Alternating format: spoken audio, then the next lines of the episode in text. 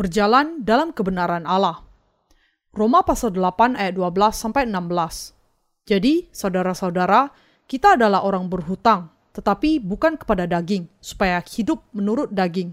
Sebab jika kamu hidup menurut daging, kamu akan mati. Tetapi jika oleh roh kamu mematikan perbuatan-perbuatan tubuhmu, kamu akan hidup. Semua orang yang dipimpin roh Allah adalah anak Allah. Sebab kamu tidak menerima roh perbudakan yang membuat kamu menjadi takut lagi. Tetapi kamu telah menerima roh yang menjadikan kamu anak Allah. Oleh roh itu kita berseru, Ya Aba, Ya Bapa. Roh itu bersaksi bersama-sama dengan roh kita bahwa kita adalah anak-anak Allah. Rasul Paulus sebagai orang yang menerima keselamatan dari Allah mengatakan bahwa orang percaya yang dilahirkan kembali tidak boleh hidup menurut daging, tetapi menurut roh.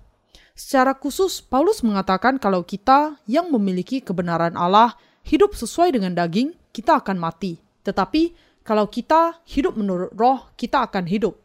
Kita harus percaya kepada kebenaran ini. Lalu, bagaimana seharusnya orang percaya menjalani kehidupannya? Haruskah mereka hidup menurut kebenaran Allah atau hawa nafsu kedagingan? Mereka harus mengenal apa yang benar dan mendisiplin tubuh mereka untuk menyerahkan sepenuhnya kepada pekerjaan kebenaran Allah. Tanggung jawab yang tidak bisa dielakkan.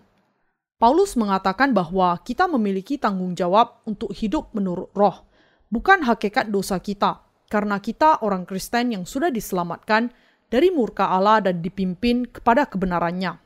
Sebelum kita sadar akan kebenaran Allah dan percaya kepada hal itu, kita bisa saja tidak hidup menurut roh. Tetapi sekarang, kita tahu dan percaya kepada kebenaran Allah. Kita bisa menyerahkan hati, pikiran, talenta, tubuh, dan waktu kepada pekerjaan kebenarannya. Kita harus menggunakan diri kita sebagai alat dalam mengabarkan kebenaran Allah dan melakukan pekerjaan kebenarannya. Hidup menurut daging.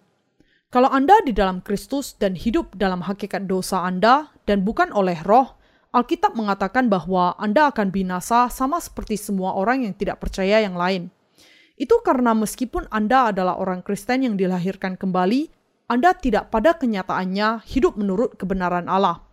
Kalau Anda mau menjadi orang Kristen yang sungguh-sungguh, Anda tidak boleh lagi hidup dengan daging, tetapi dengan kebenaran Allah, karena Anda ditentukan untuk melayani kebenarannya karena Anda percaya kepada hal itu. Kalau Anda tetap saja hanya hidup menurut daging, roh Anda akan mati. Namun, kalau Anda hidup menurut kebenaran Allah, Anda akan hidup dalam damai sejahtera selamanya anak-anak Allah. Semua orang yang dipimpin roh Allah adalah anak Allah. Roma pasal 8 ayat 14. Mereka yang percaya kepada kebenaran Allah menerima roh kudus sebagai anugerah, dan roh kudus memimpin mereka. Mereka adalah anak-anak Allah. Anak-anak Allah memiliki roh kudus berdiam di dalam kehidupan mereka. Dengan demikian mereka yang tidak memiliki roh kudus berdiam di dalam hidupnya bukanlah miliknya Titik awal dalam mengikut Allah dimulai dengan iman kepada kebenarannya, dimulai dengan percaya kepada firman Injil air dan roh untuk menjadi anak Allah. Dengan kata lain, menjadi anak Allah dimulai dengan percaya kepada Injil kebenarannya. Itu berarti bahwa Anda menjadi anggota keluarga Allah dengan percaya kepada kebenarannya, dan bahwa Allah memberikan kebenarannya untuk menyelamatkan Anda dari dosa-dosa Anda.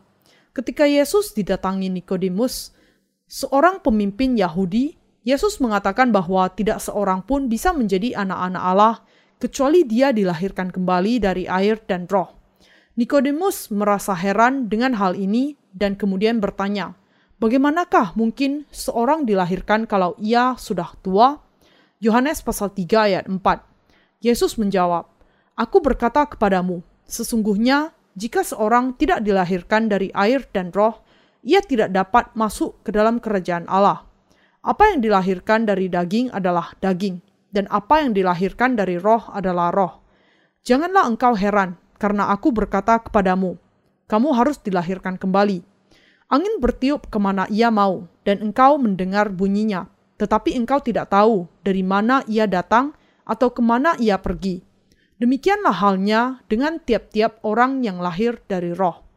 Yohanes pasal 3 ayat 5 sampai 8. Yesus mengatakan bahwa orang yang tidak dilahirkan kembali dari air dan roh tidak bisa mengerti makna dari dilahirkan kembali.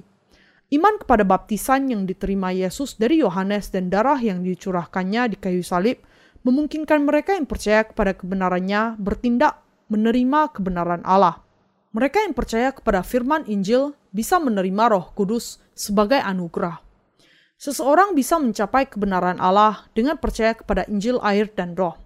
Semua orang yang menerima kebenaran Allah bisa menjadi anak-anak Allah. Mereka yang menjadi umatnya adalah saudara dan saudari kita. Roh bersaksi bahwa kita adalah anak-anak Allah. Sebab kamu tidak menerima roh perbudakan yang membuat kamu menjadi takut lagi tetapi kamu telah menerima roh yang menjadikan kamu anak Allah. Oleh roh itu kita berseru, Ya Aba, Ya Bapa. Roh itu bersaksi bersama-sama dengan roh kita bahwa kita adalah anak-anak Allah. Roma pasal 8 ayat 15 sampai 16. Hanya ada dua cara di mana kita bisa bersaksi akan kenyataan bahwa kita adalah anak-anak Allah. Yang pertama, kebenaran Allah yang dinyatakan di dalam Injil, air, dan roh menjadikan kita anak-anaknya. Dan kedua, Roh Kudus datang kepada kita. Roh Kudus bekerja di dalam Injil, air, dan Roh. Allah yang merencanakan semuanya itu. Memiliki iman kepada Injil, air, dan Roh adalah kesaksian di dalam diri kita yang mengatakan bahwa kita adalah anak-anak Allah.